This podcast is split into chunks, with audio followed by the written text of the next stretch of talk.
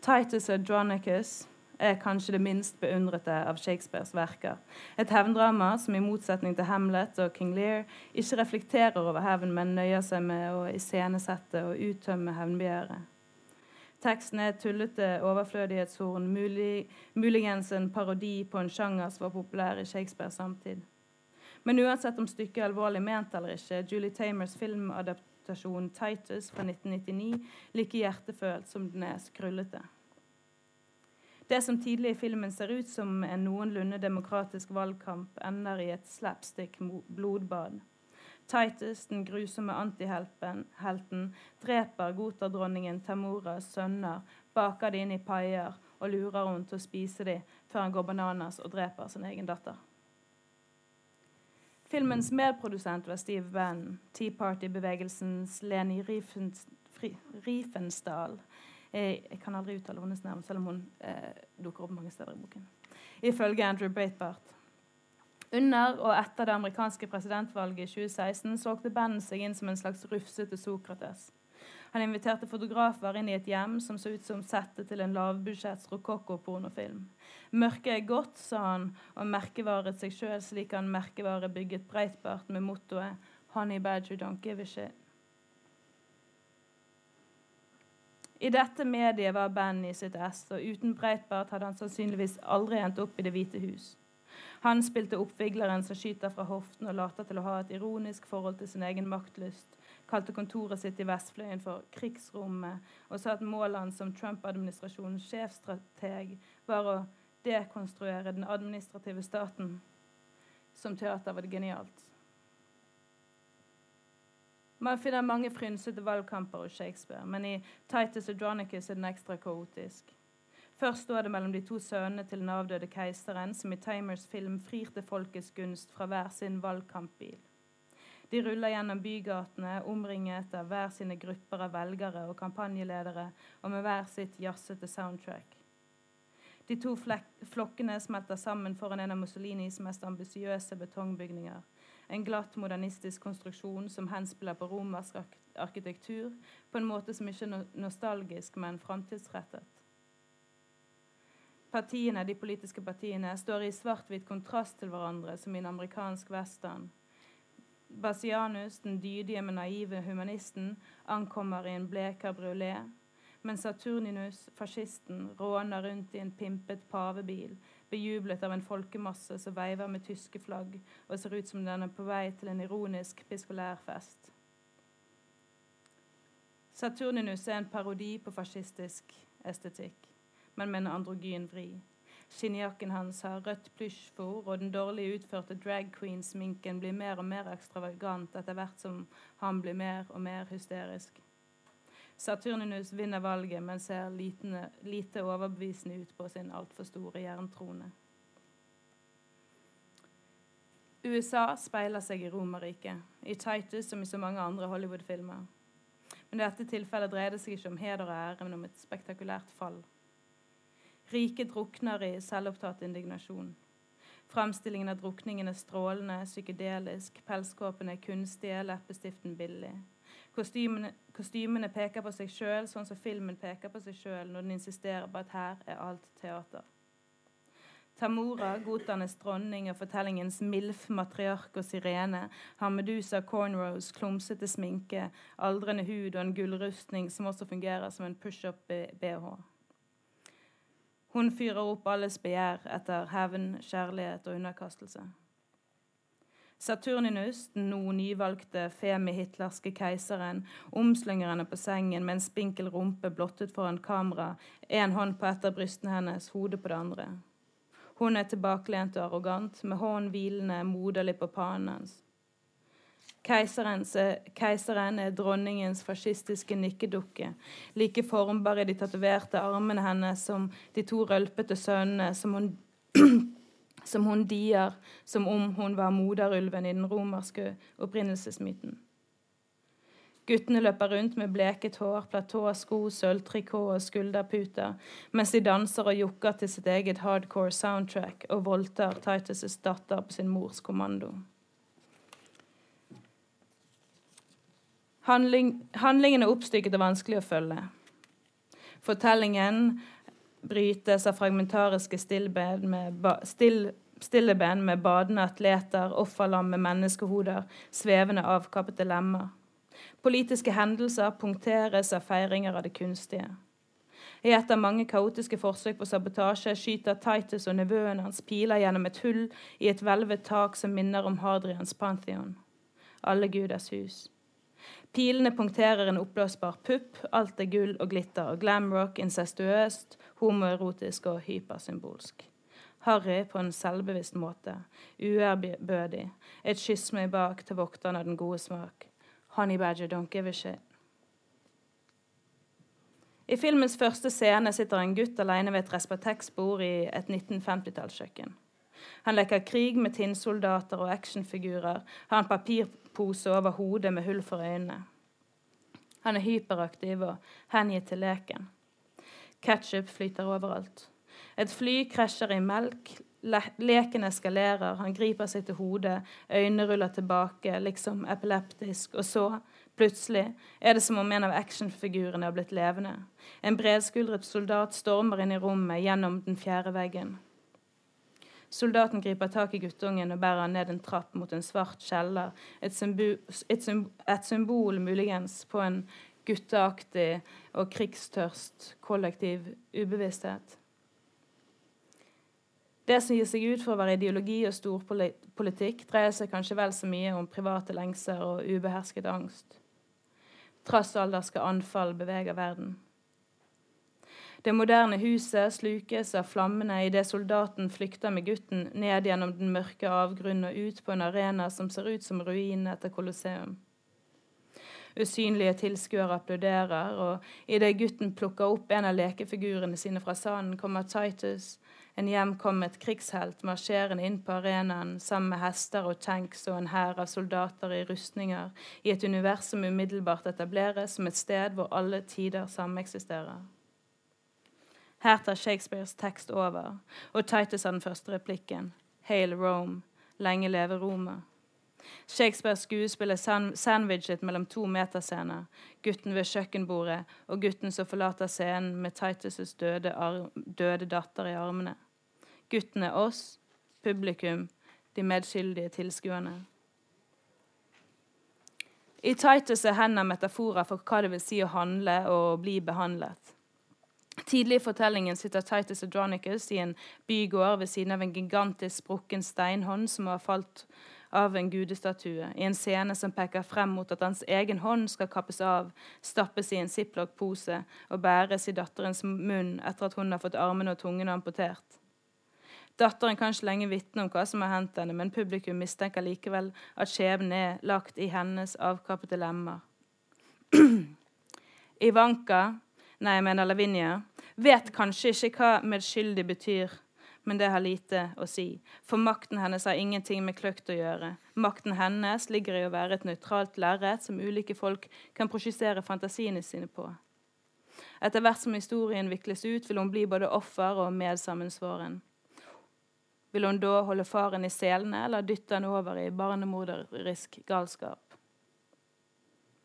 Å påstå at stykket av hender fordi Shakespeares far var hanskemaker, ville vært like patetisk som å gjøre narr av Trumps små hender, en vits som i løpet av presidentkampanjen føltes tristere og tristere, som en innrømmelse av hvor impotent late night SNL talkshow-harselasen var blitt i løpet av valgkampen, og et frampek mot hvor uthult den politiske satiren skulle bli i løpet av presidentperioden.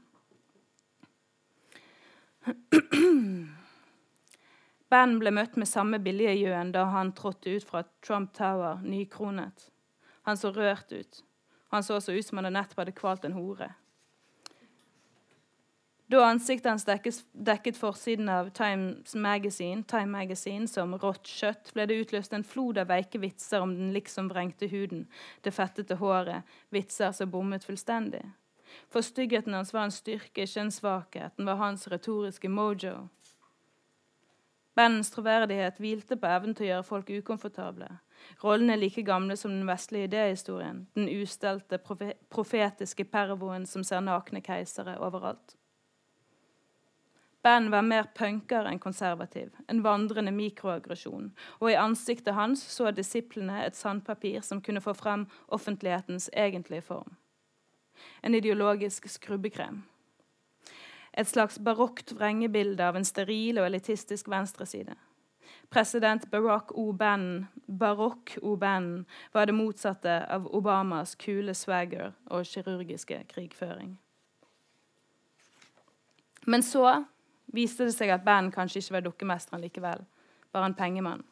Selv om han my muliggjorde mye av prosjektet, fikk han ikke det endelige ordet. Likevel, disse spilloppene var et resultat av kjærligheten hans for et hevndrama uten budskap. En tragedie som verken byr på katarsis eller forløsning, good guys eller bad guys, bare mer eller mindre karismatiske machismos og mer eller mindre ekstravagante sabotasjeforsøk. Det er et ondskapens teater som, selv om det kan minne om et autoritært regime, egentlig er demokratiet kokt ned til fjollete farse.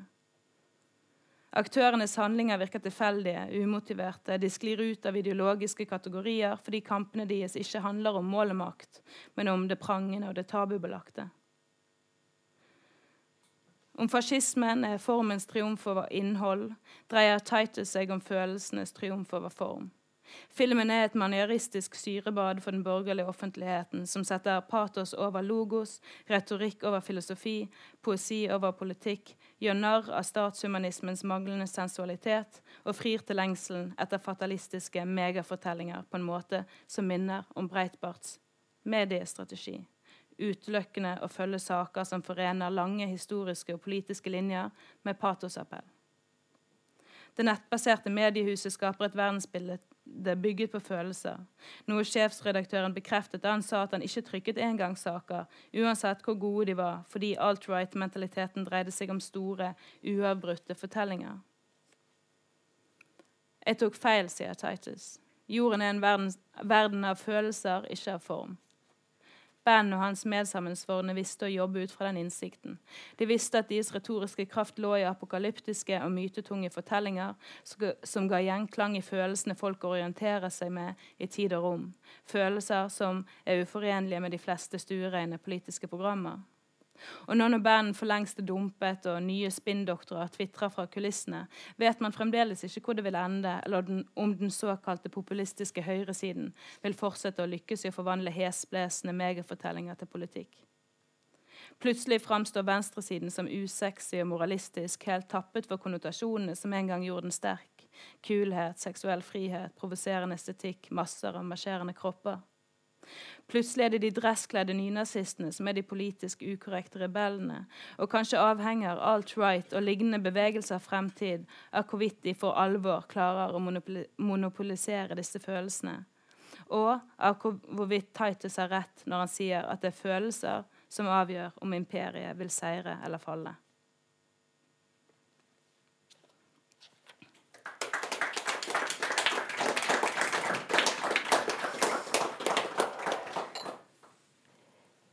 Her så kan du si du beskriver også hvordan kan si, grunnen liksom redes for at uh, USA over, en, uh, over, et par tiår liksom glir over en slags sånn illevarslende, vars, uh, illevarslende for, skal vi si, forspill her da, for en marerittaktig fiksjon som da gradvis overtar. Hvordan folket glir inn i fascinasjonen for megalomane, store fortellinger som bare er styrt av impulser, følelser, og som kan egentlig føre en hvor som helst på veldig kort tid. Ja. Hvordan plutselig Hvordan Bannon et, i det ene øyeblikket er sentral strateg, og i neste øyeblikk ute. Mm. Og egentlig sånn det Du har jo uh, Ida har jo, som de sikkert fleste her vet, uh, bodd i USA studert, forelest og kjenner jo godt samfunnet. Du har bodd i New York en del år. Ja, jeg får litt noia mm. sånn veldig mye jeg føler meg veldig sånn Rasmus Montanus for tiden. For folk, altså, jeg har vært i utlandet og skal fortelle hva kåren er. Jeg, jeg, føler ikke sånn. Det er litt tilfeldig at jeg var akkurat der. Så, så jeg blir flau av sånn uh, New York-spørsmål. Men jeg, jeg syns ikke at det er et spesielt viktig sted. eller noe. Men, men, jo, veldig mange av de jeg snakker om, og mye av det jeg snakker om i, i boken, er, er um, jeg er interessert i folk som, som, eh, som, som eh, er frelst av store fortellinger, og eh, som, mener at de ser noe ingen andre ser, og som mener at de har tilgang på den egentlige sannheten om, om hva som rører seg bak kulturets slør. og sånn. Så dette er et av eksemplene. Bandet er på en måte det mest eh, han, har, han har mye til felles med en som heter Sebastian, som jeg også intervjuer i boken, som, eller som jeg faktisk intervjuer i boken, som, som er en sånn alt-right-ideolog som, som, jeg snakket med i, i, to år før valget. Og, og, det er litt den samme fascinasjonen. Her er et ekstremt karismatisk, intelligent, retorisk, veldig slagkraftig menneske som, som jeg mener er helt ko-ko, men, men, som jeg allikevel, allikevel er det noe der. Det er, det er han som, som, som, er et resultat av at et eller annet ikke er tilfredsstilt i eh, for han og for de i den, i den vanlige samtalen om historie og politikk. Mm. Det essayet som, for deg når du først når du vil lese fra 'Teppefall', tenker jeg det er helt naturlig også å snakke om han eh, Sebastian, Sebastian ikke sant? I det, et av de tidligere essayene mm. uh, som heter uh, Det er Syndebukksymposiet. Det skulle være kapitlene. Ja. titlene jeg, jeg, mener at kapitlene Nå sa jeg, begynte jeg å snakke om Det er ikke et, det er et kapittel i det, det store essayet. Det er ikke lov å kalle det Nei, det essayet. Jo, uh, for det, det henger jo veldig tett sammen. Og selv om du sier at du ikke vil snakke Du vil ikke komme hjem og liksom være sånn Jeg har vært i New York. men klart, du, du er jo veldig Dette har, det har tydeligvis vært en del år i livet ditt. Yeah, yeah. Og, og, du har selvfølgelig da vært på innsida av et samfunn. På, det har vært ditt eh, kan si, lokalsamfunn. Ditt, eh, så du har jo eh, du har da eh, måttet også, som du også sier, både representere Norge i en litt kritisk eh, periode. Har du vært en ambassadør for Norge liksom, etter 22.07., og samtidig har du det, og så kom du før, liksom, før Trump og har på en måte eh, du har jo sett mer enn mange andre da, hvordan grunnen har blitt beredt, og hvordan alt lå liksom, i kim. Eh, sånn som f.eks. med Hans Sebastian, som du snakka med over en, en lengre periode. Mm, mm. Um, og det, det, var veldig hvordan du møtte han. Altså, vil du si litt om um, yeah. noe om han? For det, yeah. det, det er jo yeah. veldig spennende hvordan du da gikk rett inn, og han vil jeg snakke med. Han, eh, og du møtte han flere ganger over ganske lang tid. Ja. Og, og Syndebukksymposiet, mm. som er tittelen på det, på det essayet, skulle eh, være tittelen på hele essayet opprinnelig. Ja. Så, så, boken skulle en gang i tiden hete 'Syndebukksymposiet'. Og, og, jeg tenkte på det som en sånn slags um, en, et uh, sånn middagsselskap for alle folk som jeg frykter, og som jeg prosjiserer ja, alt som ikke kan eh, artikulere seg meg sjøl over på. Så skulle, så det, var en sånn underlig, sånn, nesten sånn psykoanalytisk Selv om jeg kødder veldig mye med sånne psykoanalytiske perspektiver, men de trenger seg gjennom overalt i boken. Kanskje for det. Men eh, er ikke det ironisk? Men eh, tenker vi jo. Men, eh, men, jo, ideen var i hvert fall at, eh, at, eh, at det skulle være et sånn et sånt syndebukkalas. Hvem, hvem, hvem, er våre viktigste syndebukker? Hvem er det vi bruker til å til, å definere oss sjøl i motsetning til. Eh, både ideologisk og kulturelt. og på alle sånne måter. USA er en av, en av syndebukkene som jeg har vokst opp med. eller som jeg har sånn, Dumme amerikanere og alt det der. Så, ja, du skriver ut så, en del. Ja. Så, så, så, det å være der er allerede for meg en sånn omfavnelse av det som er mest tabu. Å leve, leve, i det amerikanske. Elitistisk uh, antiamerikanisme, som du skriver. Skriver litt, du skriver om, det. litt om det. Om, uh, skriver litt om mm, det. Mm. Og, og, som jeg syns er fascinerende, som jeg har i meg sjøl òg, men som, som, som så det stedet er, er litt sånn uh, representant for det òg. Men, men, Sebastian han møtte jeg uh, i en periode hvor jeg, hvor jeg, um, hvor jeg drev og intervjuet masse folk. Det, det, er bare det at ikke alle er kommet med i boken. Men, hadde, men da var det en forestilling om at det var masse sånne her uh, svartmetall-nazier i Brooklyn som aldri kom med i boken.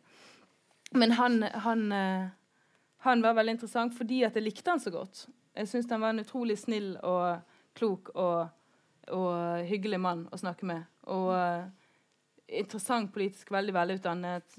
Doktorgrad fra, fra University of Chicago, hvor, uh, som er et universitet som er kjent for, for eh, bl.a. sine straussianere innenfor, innenfor, politisk teori og politisk filosofi. Og han var veldig formet av det. Leo Strauss, som var en, en av Heidegger sine studenter. En tysk som, som filosof som, som, som, kom til New York først, og så, og så til Chicago eh, på 40-tallet. Og som slo seg ned der og, og, og, ble veldig kjent.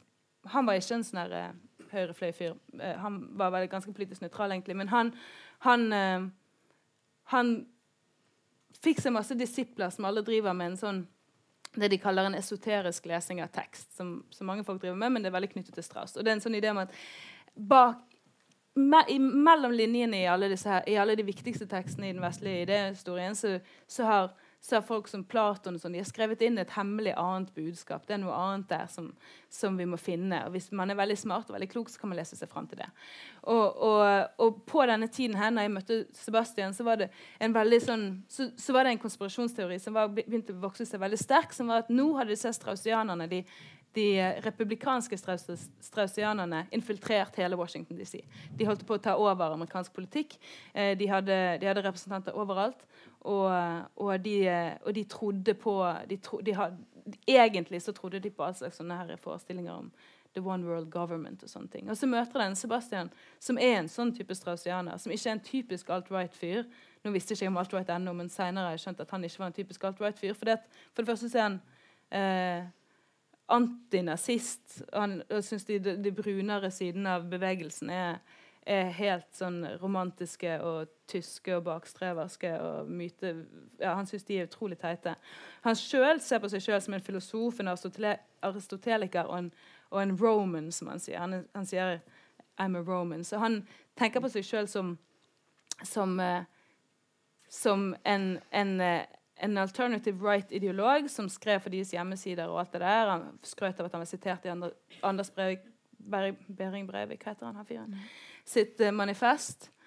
Og um, Så han var liksom helt fullblods inni det, men samtidig så had, lagde han masse distriksjoner mellom seg sjøl og, og, det han så på som de brunere uh, delene av bevegelsen. Og det syns jeg var veldig interessant. For det, det, sa, det viste meg at ja, det her fins det nyanser innenfor denne tingen som er liksom det mest åpenbare. og og hate akkurat nå. Hva er det? De, de, er rasister, de er kvinnehatere, de er alt det der. De er alt, jeg ikke, alt vi selvfølgelig ikke liker. Og men han var interessant. Så, der, så mange, det er ofte der jeg begynner, at noe eh, her er det noe som er meningsfullt, som jeg ikke klarer å avvise helt, selv om jeg har lyst. Jeg merker Når jeg leser samtalen de igjen mellom dere, så han framstår jo som eh, ja, uhorvelig reflektert og smart. Og, altså, det er det som er, du leser, og han har veldig god logisk tenkning, virker det som, mm. og er kunnskapsrik. og så etter hvert altså, plutselig bryter gjennom sånne mm. helt vanvittige mm. teorier om mm. Eh, f.eks. det som liksom kulminerer i at uh, kvinner ønsker å Altså europeiske kvinner uh, ønsker å hvordan, hvordan, var det igjen? Jo, det er det morsomste. Ja, altså. importere menn som for å nærmest undergrave Uh, ja. ja, ja sant, Dette er blitt en vanligere idé nå, men for meg var det helt sånn wow! Når jeg skjønte hva det var han egentlig snakket om. For det tok litt tid. Det tok noen mange møter om måneden før liksom, han virkelig kom til kjernen i fortellingen som André fortalte. Nå har sikkert mange hørt den, men for meg var det i hvert fall helt nytt. da. Ideen er Syria-flyktningene er ikke flyktninger. Den har vi hørt før. De, de, er soldater, de er her, det er liksom the great replacement, de er her for å ta over Europa. og alt det der. Men det var ikke bare det. Ideen for han, og mange som han, var òg at dette her var noe spesielt nordiske kvinner ville og hadde lagt opp for. Fordi, lagt opp til, fordi de, de hadde gjennom all denne feminismen kastrert alle mennene sine. Og det, de no, det, angret de nå fryktelig på, for det var ikke noe spennende Samme, lenger. Ja. Fordi, fordi, sa han, da, kvinner er jo egentlig masochistiske av natur, og de vil jo bindes fast. Og, og nå, nå, er de i en klemme, for de har ikke noe sånne lenger. Så Derfor har de da ubevisst begynt å importere muslimske menn, sånn at de i fremtiden vil ha noen å underkaste seg. Så ideen er da at liksom Kjernen i Eurabia-teorien, kjernen i forestillingen om at, om at uh, Syria-flyktningene er del av en gigantisk korrespondasjon. Det, det, det, muslimske brorskap har sittet i Egypt en gang og sagt nå skal vi ta over Europa. Kjernen i det prosjektet er, er, er, ikke politisk, men psykoanalytisk. Det handler om sex, ikke om politikk. Det handler om at uh, alle de hvite kvinnene ser mot Østen og lengter etter førmoderne pikk.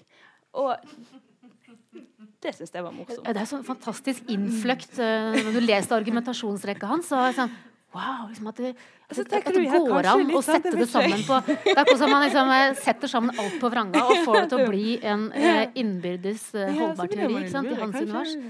Så ja, det var jeg, jeg, har ikke lest liksom, akkurat den liksom, så detaljert teori om det der før. Da. Nei, jeg hadde ikke så, hørt det så, så, mm. så, sagt, jeg heller. Nei. Så det var altså en av de du møtte. Mm. Ja, du hadde jo Ja, du bodde Brooklyn, i, Brooklyn, og der mm. vanka du rundt i et, nabolag der. Som mm. du sier, et hvert Alle steder blir jo lokale. Altså, mm. Det er noe du kommer tilbake til i boka. At det er jo ikke sånn at det provinsielle og sånn, verdensbyen egentlig skiller seg fra hverandre. sånn sett. Det er jo ingen som er mer provinsielle enn yorkere, som har alt i nabolaget sitt. Mm. mens de som bor i Hovdebygda, f.eks., der du da, der jeg da bor, oppsøker boligen til uh, mormoren. Mm. Der må folk se mer ut i verden. Mm. Mens i uh, New York, eksempel, der kan man da utvikle ganske sånn litt uh, nærsynte teorier, kanskje, i forhold til mm. livet. Ja, ja nei, for man, det er ingenting man blir så dum av som å tro at man er i midten av noe. Mm. At, så, så, så, det jeg skriver, er vel at jeg aldri, jeg aldri møtt så mange provinsielle mennesker. Aldri vært et så provinsielt sted som i New York. Fordi folk tror at de er sentrale. Og, og, og, og det gjør de veldig blinde. Pluss at folk bor i sine små nabolag. Og du har liksom noe som er det fineste med byen nå. At du har liksom skredderen og vaskeriet og alt på kvartalet. Det synes jeg er veldig fint, Men det gjør jo at folk lever veldig beskyttet. Så hele forestillingen om smeltedigelen er selvfølgelig bare tull. Det er ikke noe smeltedigel i det hele tatt. Eh, og, og um, eh, ja, så jeg setter vel opp en sånn altså, det, er jo, det, er jo, ikke helt sant, den kontrasten. Det er liksom en samtale med noen i boken hvor jeg sier sånn Her er alle armchair travelers i Hovdebygda, og alle så kosmopolitiske. Jeg tar jo litt hardt i det, er ikke helt sant, det heller. Men, men, men uh, i hvert fall for eksempel, altså det, det, er svære områder av verden som man, det er ikke verdt å snakke om med amerikanere engang. fordi at eh, Prøv å snakke om at det finnes et kontinent som heter Afrika med den gjengse New Yorker på min alder. De tror at du er rasist fordi du nevner at det fins en verdensdel der borte. det har ikke noe bare med slaveriet deres å gjøre. og det er ikke, jeg, det er ikke othering å si liksom Rwanda. Det okay, det er, ja, du ser, det er et sted i boka hvor du sier det. Hvis du sier noe litt sånn, Du kan ikke fortelle om at du har vært ute i verden. For da, det er sånn, sånn check your privilege. Liksom. Mm -hmm. Som om det er dårlig å være privilegert. Som, ja. ikke, som ikke det avhenger av hva du gjør med det privilegiet. Helt idiotisk. Så det en sånn ekstrem eh, skyldfølelse liksom veldig, veldig mm. i visse lag. Da. En sånn, mm. du, du, eh, det er ikke det, hva du gjør med dine privilegier, det, så lenge du mm. Det er en ganske sånn dobbeltmoral, mm. mildt sagt, med at uh, du, skal, du, kan ha din privilegium, men uh, du skal uh, samtidig uh, kanskje underkommunisere dem, eller helst ikke snakke om dem. Eller, Eller gjøre eller rede for med en gang du ja. sier ja. Det blir morsomt nå når vi importerer all sånn amerikansk sjargong hit, siden alle har vunnet i Lotto, og så skal man sitte og si til hverandre sånn Check your privilege. det blir veldig vanskelig etter hvert. Men sånn det som hele denne, som jeg nevnte for deg da, i dette essayet altså, Hvis vi da skal snakke om dette eh, jeget mm. eh, som har skrevet dette, som da starter eh, sitt uh, liv, uh, sin oppvekst på ikke så langt herfra. Laksevåg i Bergen, omtrent der, ja. Og derfra strekker seg ut i ja, ganske mye utover i verden, i hvert fall. så kan du si Det er jo et, et jeg som ganske som kan framstå som ganske privilegert, som det virker som har en sånn enorm spennvidde fra å liksom beherske det mest folkelige til å eh, For meg så virker det som eh, kan, kan, jeg si når jeg sier 'jeg', kan jeg si 'deg' som forfatter av disse? Jeg kan det, for det er det tvil om. Ja, ja. Det er et essayistisk 'jeg', vi, men forfatteren er deg. Mm. Essayisten er deg. Så mm. det, det, virker jo som du har fått innpass veldig eh, ikke sant? Veldig ganske sånn elitistiske eh, sirkler da, i USA. Og mm. Eh, du kommer jo veldig i kontakt med Du intervjuer eh, altså Plutselig er du i en intervjusituasjon, samtalesituasjon, med folk du er eh, fan av, folk du beundrer, essayister, forfattere. Mm. Altså, kan du si litt om det, det, virker jo som det har vært veldig enkelt å liksom få innpass hvor du har villet. Ja. Eh, jo, for det første et lite sted. Og så pleier jeg mm. å flaks med sånn å møte folk. Ja, ja. men, eh, men det er kanskje flaks også at eh, folk er fri. Du sier bare 'hallo, jeg vil gjerne snakke med deg', og Nei, så altså, de- kommer du, og så har dere mange samt samtaler som går over dager om eh, Ja. eh, forskjellige ting. Ja. De som jeg intervjuer, er folk som, som Det sier jeg kanskje ikke så mye om, men som, som har betydd mye for meg en stund før jeg ja, Med unntak av Madam Nilsen. Vi møttes, og så begynte vi den samtalen her Mm. eh, samme dag. Eh, vi møttes når hun var i New York. Og, så, så det var litt tilfeldig. Vi har mye felles interesser. og sånn Det var mange grunner til å snakke med hun. Men eh, de to andre som intervjua meg, var Grill Marcus, som eh, er en fantastisk kritiker. Mm. eh, som var Han var en av de første Så du hadde Han som var- foreleser eller, Ja. først, og så som- oppsøkte du han seinere Ja, så, Mm. eller, jeg hadde han som lærer. Han er kanskje den læreren som har vært viktigst for meg, og så holdt vi kontakt og ble venner. Og sånn. så det, så det, var, det ballet på seg. Og han, han har vært viktig for meg som han, Det er sikkert mye i boken som er inspirert av måten han skriver på. Han begynte å skrive for Rolling Stone Magazine på 65 eller noe sånt, så det var det første, første som skrev musikkritikk for Rolling Stone Magazine. Og eh, er en fantastisk gammel mann, så jeg håper eh, holder seg i live litt til.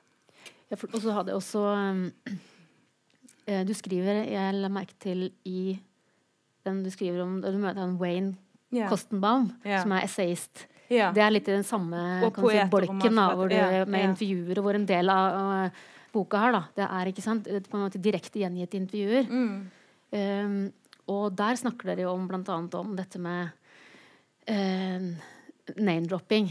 Mm. Og han eh, sier da at det kan være name-dropping, kan være liksom provoserende. kan, uh, Og sånn kan man av og til få følelsen av i boka di, at du bedriver en viss uh, name-dropping. Mm. Nettopp at du liksom glir veldig lett inn og ut av de mest prominente kretser, og bare kan snakke med hvem du vil. Og, og samtidig som du også eh, trekker inn dine eh, ja, forbilder de du har påvirket av, forfattere du er opptatt av.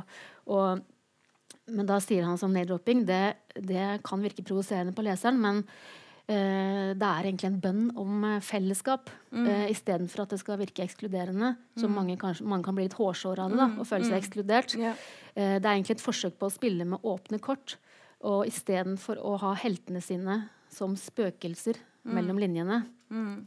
Og det syns jeg var veldig fint. Og det tenker jeg når jeg leser Mm. boka di også. At det, d- altså jeg liker jo veldig godt den måten du både trekker inn si, helt sømløst levende og døde, tilstedeværende og alt. Altså du, den du er eh, Den du har lyst til å trekke inn, trekker du inn. Om det så er forfattere du leser akkurat da, om det er de du snakker med. Altså, eh, så det blir en veldig sånn eh, En samtale da, på den måten Mm. med mange i Ja. denne boka, både eksplisitt og Ja, eh, Men alt er ganske åpent. Det synes jeg, altså? Innimellom er det skjult, litt sånne hentydninger, men allikevel er det meninga at leseren skal se intertekstualiteten og se sporene og Ja, det er en måte å Mm. spille med åpne kort. Så Ja. altså at den, den eh, At eh, jeg liker det motsatte idealet. Jeg, men det kan bli veldig strengt, det der. At man ikke skal, man skal ikke name-droppe. Liksom, det er så mye Alle disse asketiske idealene for, for uh, skriving som kanskje er spesielt veldig rådende her nå, kanskje, føler jeg. uh, kan bli, kan bli litt trang, og det kan de umuliggjøre veldig mange typer ting hvis det ikke skal være lov med name-dropping, og det ikke skal være lov med med hva det måtte være, snirklete språk, og alt skal være så ærlig og rett på og psykologisk og to menn i skogen og alt det der. Men uh, at det kan Altså, det er vel og bra, det, men, men, men jeg liker veldig godt det motsatte. Jeg liker veldig godt Det, kan, det litt sånn barokke og, og svulstige og det med veldig mange stemmer. Derfor begynner boken nå i et, i et, eh, i et, i et kor av barn. Jeg liker det, det, det, det mer naive med det, og det mer direkte med det, og det litt uh, mer uh, det, det, det som bare tar litt hardt i og gjør alt Det er jeg mer tiltrukket av, kanskje. Så, så derfor blir boken sånn. Og jeg er helt enig med han om at det er en, bønn om fellesskap. At det er en- si 'Se, her er alle jeg er glad i, så vil ikke dere også bli glad i de. Det er egentlig bare det. Så sa ikke de noe fint selv. Altså, Jeg liker jo også veldig godt at du liksom tør å trekke det altså du, du tar det skikkelig ut. da At du påstår en ting, og så du lager et sterkt bilde i teksten. Og så bare fortsetter du. Du lar det ikke bare henge. Sånn, eh, for eksempel, bare sånn, bare, det finnes mange eksempler her, men bare for å begynne med åpningen. da har jeg sagt at jeg likte veldig godt åpningssetningen. Hvis jeg får lov til å bare lese den. ikke sant? Andre. Trål. Eh, å ha vært barn er som å ha vært full på en fest der de andre var edru. Og da jeg bare leste den setningen og begynte på boka, så ble jeg sånn Ja! Jeg følte meg bare sånn sulten på å lese videre. For jeg syns jo at det oppsummerte akkurat sånn jeg har tenkt, eh, uten å ha greid å tenke de ordene da, på den måten. Ja, sånn er det. Barndommen. Sånn er det. Og så lar du det ikke bare være med det, for da, da tenkte jeg videre, før jeg leste videre, så måtte jeg stoppe opp og tenke ja, og resten av livet er da kanskje som en slags bakrus. Vi skal hente oss inn. Så, men så skriver du faktisk det, da. Ja. Du gir deg ikke, ikke sant? Du bare Kanskje er det derfor Kanskje derfor vi resten av livet hjemsøkes av en slags eksistensiell fylleangst. Og det liker jeg mange steder, at du, du liksom kaster frampå sånne litt, eh, litt sånn drøye påstander, og så lar du det ikke bare henge der, og, og da tar du den helt ut. Mm. Det, mange, det liker jeg veldig godt. Ja. Jeg er mindre interessert i ja. om påstander er sanne, eller, eller om de, hva jeg kan få de til å gjøre. Så, så det er kanskje derfor jeg, at, jeg, at jeg sier det igjen og sier det på andre måter. For det er ikke så, altså, det er sant for meg om det altså, Ja, du trekker og, deg ikke, ikke sant? Du, du Nei, kommer med sånn litt sterke ja. Utsagn, og så trekker du deg ikke. Du, Nei, men altså, mm. uansett, jeg, det er jo ikke en altså, jeg, ikke, jeg argumenterer jo ikke mot noen. Det, jeg har ingen meninger eller samfunnsanalyser, egentlig. Så det, det, det er bare et forsøk på det, forskjellige eksperimenter. Hva kan, jeg, hva kan denne formen eh, gjør, muliggjøre hvordan kan, hvordan kan jeg gjøre dette og det for å, for å fri opp muligheter for meg? Hva kan det gjøre meg i stand til å si, gjøre, tenke hvis jeg, hvis jeg foreslår dette, og så går videre med det? Så, så det er en annen måte å tenke på enn å tenke altså, eh, enn en, en, leserinnleggets logikk, hvor det liksom Her mener jeg noe, og nå må dere òg mene det. det. Det er ikke sånn. Så, Og du tør å, du tør å skrive om altså du, du, liksom, du, Uh, Ja, du uten å nøle, du skriver uh, liksom gutteromslignelsen. Du går rett inn i Anders Behring Breivik, 22. juli. Altså du, du, eh, du er ikke redd for å kaste deg ut i å egentlig skrive om alle de Jeg var veldig redd for Store. akkurat den, egentlig. Ja, var det det? Ja, jeg tok lang tid å skrive den. Ja. Og det er vel mye, Mm. litt av det som er liksom Skal jeg Can't go on, must go on. Type ting. Men um, Kan du si litt om eh, den, det kapitlet som heter 'Gutteromslignelsen'? Der du Ja. oppsøker uh, Jo, jeg måtte jo på en måte Ja. de, snakke om det, og siden jeg hadde liksom alle disse andre For jeg skrev om, om eh, sånn, i det, Sebastian, som er liksom den ultimate eh, arketypiske mannen som føler seg kastrert av moderniteten. så hvis du skal først snakke om den eh, karikaturen, så, så, og som jeg også snakket om i andre steder, har snakket om andre steder i boken, så måtte jeg på en måte gå til til Breivik òg. Og jeg hadde veldig lyst til å skrive det essayet lenge, og jeg prøvde å skrive det. det jeg begynte vel på det som et frittstående essay eh, et halvår etterpå. Og så, og så slo det fra meg, og så, og så jeg- tok jeg masse fag i noe som heter minnepolitikk. Og jeg tenkte mye på minnepolitikk. Hva er minnepolitikk for noe? Hvordan forvalter et, et, en, et, eh, en nasjon sine kollektive minner, og hva er liksom kollektive minner? Det finnes jo ikke. Jo, det finnes bare i den kraft at eh, Det finnes bare i, i, tingene vi lager, altså i bøker og taler. Det finnes ikke, Vi har ikke noe kollektiv syke. Og så ble, ble, ledet det meg inn i en sånn en forsøk på å nærlese all kulturproduksjonen som 22. juli hadde avfødt. Og så viste det seg at det var ganske mye. Så Derfor tok det veldig lang tid å finne ut hva jeg ville skrive om. Men det var fantastisk å lese alle bøkene. Ja, for egentlig var det Du, du eh, sa ja at du skulle skrive et eh, Du skulle skrive noe vagant Ja, det om alt som uh, har blitt gitt ut ja, i kjølvannet av 22. ja. juli. Det ble, skjedde jo aldri. Men det ble ikke det der. Kommer det til å skje? Nei. Nei, det ble det der Ja. istedenfor. en fortelling om en, om en mislykket forsøk på å skrive et essay vagant. Da fant du også ut at det kollektive minnet om slike ting det har rett for å bli egentlig melankoli. da. Ja. Mm. ja, det fant ikke jeg ut. Det har noen uh, jøder sagt før meg. Men, uh, Men du, er, men- du gir en tilslutning til det. Etter, Ja. å, etter å ha da oppsøkt eller, all den litteraturen, så kom du fram til det at det var en god måte å oppsummere det på. Ja. ja. Mm. Og, jo, og, og den, og den um, En av tingene jeg leser, er f.eks. et um, Frode Grytten-dikt som uh, Jeg liker Frode Grytten eh, helt greit, det var ikke det. Men, men jeg er litt hard mot et dikt som han skrev rett etterpå. Og det er vanskelig å skrive dikt om en stor katastrofe rett etter en katastrofe, så det er ikke noe Kalle å gjøre det, åpenbart. Så det er ikke, så, men, men, men det er et dikt som er et eller annet um, Ja, det, Ja. ja. Dette med Jeg- at man skal for- for Mm. liksom et, et eksempel på den um, måten den uh, den, den, typen melankoli som ikke er bra, kanskje, kan uh, kan sementeres hvis vi lager bestemte former for for um, ja, for uh, artefakter. Så jeg, dette, dette etter en lesning av, av, mange forskjellige bøker, og særlig Åsne Seierstad, som er sin bok som jeg syns er veldig god. Ikke litterært sett er den ikke god, men, men, men har gjort uh, noe veldig interessant dokumentarisk arbeid, og jeg snakker om det.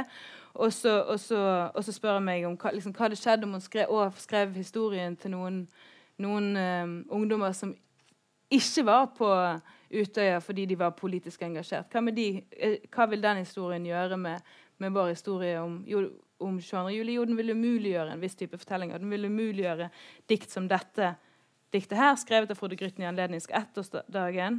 Jeg bare leser de første tre og de siste to linjene. Skyt meg i venstre arm, og jeg skal kalle såret solidaritet. Skyt meg i høyre arm, og jeg skal kalle arret samhold. Skyt meg i kjeven, og jeg skal heve røysta mi, osv. Skyt meg i øret, og jeg skal rope de nye Jeg skal høre de nye røstene synge. Skyt, skyt meg i hjertet, og jeg skal rope Vårt kjærleik lever.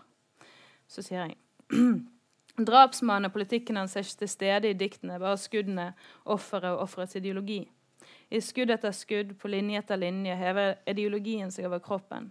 Offerets solidaritet og samhold trumfer den smadrete hoften, armen, skjeven, slik at de døde kroppene reiser seg fra asken som et slags krigerspøkelse. Dette bildet av barnekroppen som martyr føles nesten som propaganda. Og så går jeg videre til å snakke om Benedict Anderson, som skrev at europeisk nasjonalisme alltid har vært avhengig av å snakke om for de døde og gjøre døden deres meningsfull i relasjon til en større nasjonal fortelling. Og Derfor går jeg inn i det du snakker om. Hva, hva, hva, hvilke av disse fortellingene bidrar til, til, til, til en form for melankoli, og hva, den, hva kan den, den typen melankoli eh, ender opp med å bety rent sånn politisk, og hva slags historier eh, sementeres. Hvis vi kan føre dette nå litt over til det, eh, forskjellen, mellom, forskjellen mellom biografi og mm. essay. ikke sant? Og der sier du noe om eh, Enten refererer du til noe som en av de, I det samtalte med deg, så sier du sjøl altså det med at eh, biografi den har lett for å bli veldig eh, sentimental. Liksom, ja, altså jeg, det tror jeg var en av de ja, Selvbiografien eller memoaren. Ja, men, ikke sant? Mens både jeget, essay, er en måte å behandle jeget på. og forvalte, ja, Mens biografi eller selvbiografi er en annen måte. Mm. Og de måtene skiller seg veldig fra hverandre på nettopp måten man liksom, forvalter minnene og mm. konstituerer mm. det hele. Kan du si litt om det? Ja.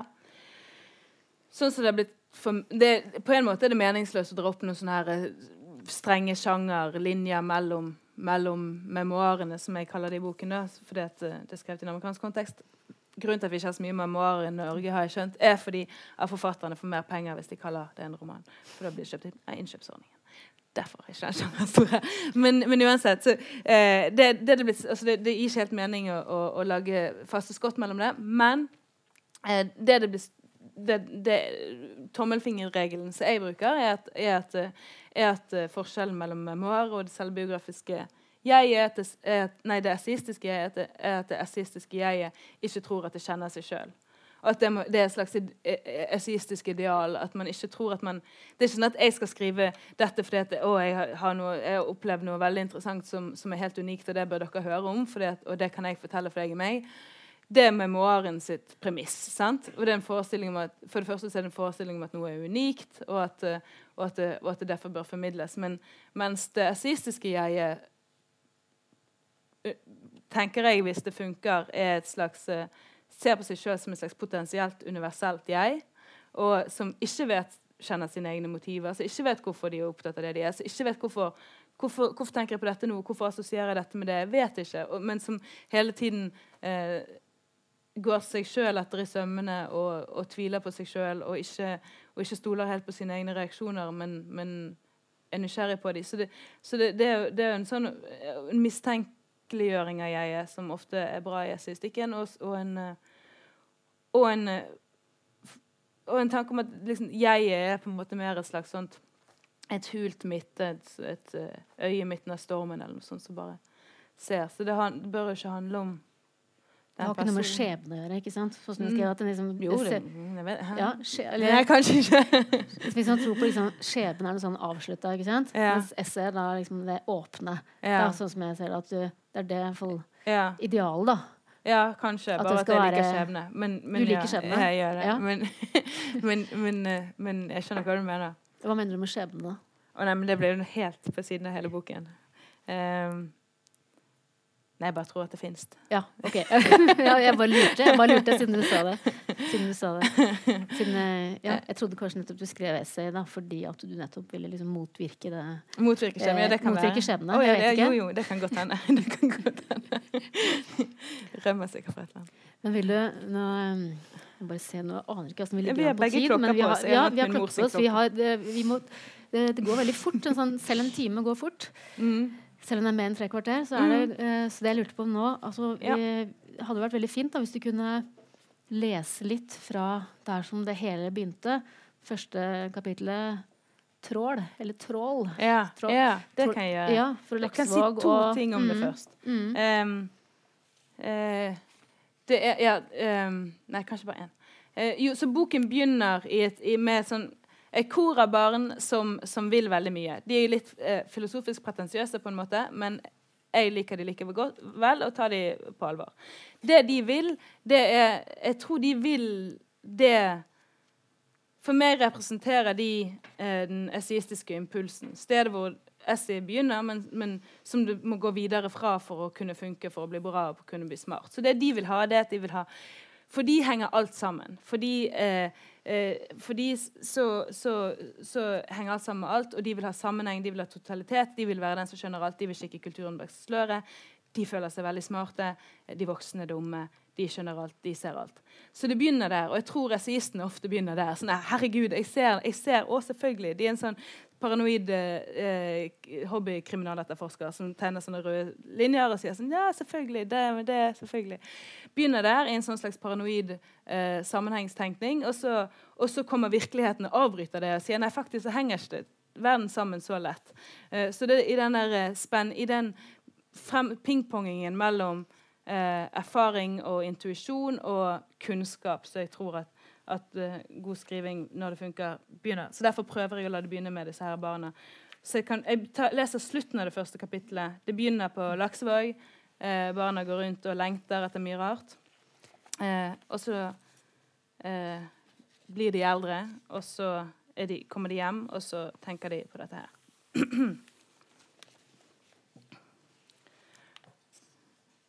Nå tråler vi livshistoriene våre etter mening.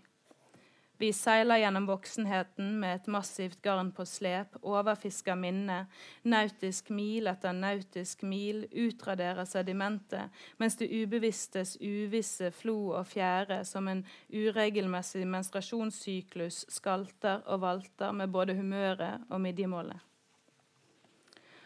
Og når vi står på kaien og stirrer ned i fjorden idet en makrellstim velter fram fra våtmørket, idet stimen bryter skorpen og spretter spastisk i overflaten i et kollektivt epileptisk anfall, mens vi i sidesynet ser en skrikende måke snappe til seg et sprellende vesen som spagetti, da er det umulig å se forskjell på havet der nede og begjæret her inne. Desillusjonerte med livet på land vender vi oss mot en parallellverden der alt flyter. Og vi er ikke alene. I løpet av noen eksepsjonelt deliriske politiske år fylles bokhandlene med bøker om blekkspruter og hvaler og om sjøfartsårer som alternativt veikart over verden. I romanene er havet speil, opphav og frelse, av og til en trussel om syndeflod. I USA og Europa binger man The Blue Planet, som om det motsatte av demokrati ikke er tyranni, men havet. Er det trangen til å bryte ut av det kjente og erobre noe fremmed som kommer til uttrykk som lengsel etter hav? Det er pretensiøst å trekke inn Sigmund Freud her, men akkurat, det, akkurat om dette med barn og havet har han noe så bare spesifikt å komme med at det ikke kan stjeles ukreditert. For han bruker begrepet 'den oseaniske følelsen' til å beskrive nettopp religiøse opplevelser, infantil narsissisme og egoets møte med en verden som later til å henge sammen. For Freud finnes det en tydelig forbindelse mellom barndomsminner, maritime metaforer og behovet for å skape former der alt, politikk, filosofi, kunst og dagligdagse erfaringer, henger sammen. Når barnet fantaserer om havet, er det en slags tidlig stormannsgalskap. Et behov for å mestre verden ved å trekke lange linjer i tid og rom. I havlengselen forenes kroppslig og intellektuell sult i en nysgjerrighet som i likhet med hestejentens iver er en slags erotikk. Sigmunds yngste datter, Anna Freud, beskrev hestegalskapen som rir så mange ungjenter som en slags psykologisk generalprøve. Jentene øver seg på hester mens de venter på å bli store nok til å få klørne i virkelige menn. For Freud junior er hestedilla en blanding av penismisunnelse, omsorgsbehov og erobringslyst. Det besatte jentebarnet vil ta vare på hingsten, mestre den, kanskje til og med bli den. En skikkelig tendensiøs hypotese her om to ulike personlighetstyper. Hestejenten og hvaljenten. Hestejenten er omsorgsfull og velpleid og tiltrukket av boyband-gutter og blanke overflater. Hvaljenten er selvopptatt, megaloman og uflidd, tiltrukket av store, rue overflater. For hvaljentene ble havet et bilde på opprinnelse, totalitet og sammenheng, men også på oppløsning, avgrunn og selvutslettelse. Hvalen var konge av dette dypet, objekt for en bunt forvirrete lengsler som egentlig var den samme kraften, noe stort og svart, hult og rasende, brusende fra et sted nederst i magen, som ikke visste hvordan det ville fylles, for begjæret er tankeløst og retningsløst som en påhengsmotor som ikke vet hvor båten styres. Ideen var at universet ligger der inne. Vi forsøkte å tegne det. Det så ut som en mørkerosa livmor med gjennomsiktige vegger og oransje lys fra en oljelampe fylt med spermasett. Urlandskapet var altså både feminint og oseanisk, opprinnelsesmyten en kjødelig og skjebnesvanger begynnelse i det obskure.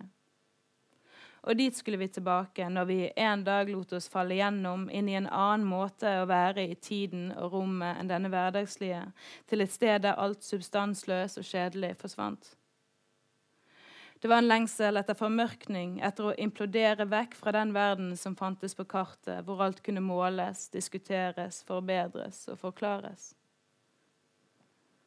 Fra formørkningene skulle vi sende reisebrev hjem, fra de dypeste, dummeste kløftene i havet, fra Challenger-dypet i Marianegropen og andre urdiskotek bebodd av selvlysende gigantamøber. Vi skulle rapportere fra grumsete innsøkk i Atlanterhavsryggen, utilgjengelig for kamera og ekkolodd, hvor hvaler og ål, det store og det sleipe, møtes for å yngle, utenfor menneskenes radar. Dette ble kanskje ambisjonen. En dag å bli et blanksvart nøste av ynglende ål i Sargassohavet. Å implodere inn i dette forbannede, velsignede tomrommet som ikke visste hvordan det ville fylles, men som skulle fortsette å svulme og dure som en motor i magen og være et konstant kremt til det sanne, det gode og det skjønne. Der og da tenkte vi ikke at fantasilivet befolkes av arketyper, at lengslene våre var klisjeer, og at hele tankesystemet var bygget på de indre bildene som føltes som de kun var våre. De svimlende tankene om havet, det lysende mørket bak øyelokkene, følelsen av å inneholde uendeligheter av mangfold og selvmotsigelser, hinsides godt og ondt. Vi var fremdeles så små at vi innbilte oss at våre sorger og vår entusiasme var dypere enn andres. Vi så ikke at dybdemetaforer er metafysisk kitsch. Først etter en serie mer eller mindre feilslåtte dannelsesreiser skulle vi innhentes, spise oss mette på sjargong og si som Arne Næss sa, trett av filosofiens og poesiens fetisjering av fremmedgjørelsen ved den som føler han har havnet på feil klode. Til slutt skulle alle de største spørsmålene fremstå som pølsevev og avledningsmanøvrer. Det reflekterende språket skulle bli en virvelvind i en snøkule, et forlokkende kaos som hurtig la seg til ro igjen over det samme forseglete landskapet. Mistankens hermenutikk, denne tenkemåten som hadde formet lærerne og foreldrene våre, skulle slutte å fremstå kul. Og opphenget i makt skulle gradvis fremstå mer hult og slitsomt, helt til vi til slutt bestemte oss for at et menneske som er motstander av makt, er som en hval som er motstander av vann. Det som begynte i en lengsel etter syndebukker og avgrunner, skulle ende i en erkjennelse av at det er grenser for grenseoverskridelsens innsikter, og at det brutale og det tabubelagte ikke nødvendigvis er sannere enn det snille og det vanlige. Fortellingen har allerede begynt. På Laksevåg i 1990-årene med en barnlig lengsel etter selvutslettende eventyr. Og herfra vil den bevege seg innom diverse utland og ende i en slags hjemkomst og en avvisning av de nihilistiske, reaksjonære og hedonistiske overbevisningene vi er innom underveis. Men dette er likevel ikke en frelseshistorie. Det handler ikke om framgang og opplysning, rettferdighet eller etikk, men om et selfie-filosofisk eksperiment. Vi vil sanke sannheter fra tankene vi forakter og frykter, forføres av så mange livssyn som mulig og danse jenker gjennom tiden. For hva er vel liksom livet om ikke en serie hjernevasker?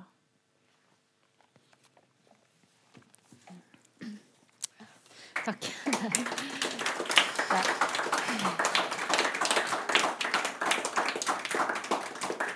Jeg syns det er veldig, veldig sterkt, det du leste der. Akkurat det liker jeg veldig godt. Men jeg har, ikke, jeg har ikke lyst til at samtalen skal slutte med riktig ennå, selv om klokka er sikkert Vi starter litt over, da, så vi må kunne ta, ta et par minutter til. Et par minutter til, ja. For det hele Ja, sånn hele Boka er jo Det er jo som sånn eh, det er jo en munn som suger til seg alt det. Sånn som du skriver om at havet, alt i havet er en munn. Mm. Og det er egentlig sånn denne boka også er. Den er en munn som suger til seg alt. Mm -hmm. eh, ja. Nå ser jeg at det er det, faktisk. Det er ikke bare eh, Og det var sånn jeg snakka litt om i stad. Jeg sa Ok, Du er bare 32 år, knapt nok det. Og det virker som 31, du er 31. 32, Nei, jeg, jeg bare regna det ut. til 31 år. Enda yngre. Ja. Man kan jo få følelsen av at eh, det var som en som intervjua deg, skrev altså, hun, er, hun er smartere enn deg. Liksom. Du kan bare gi opp. Hun er smartere enn deg.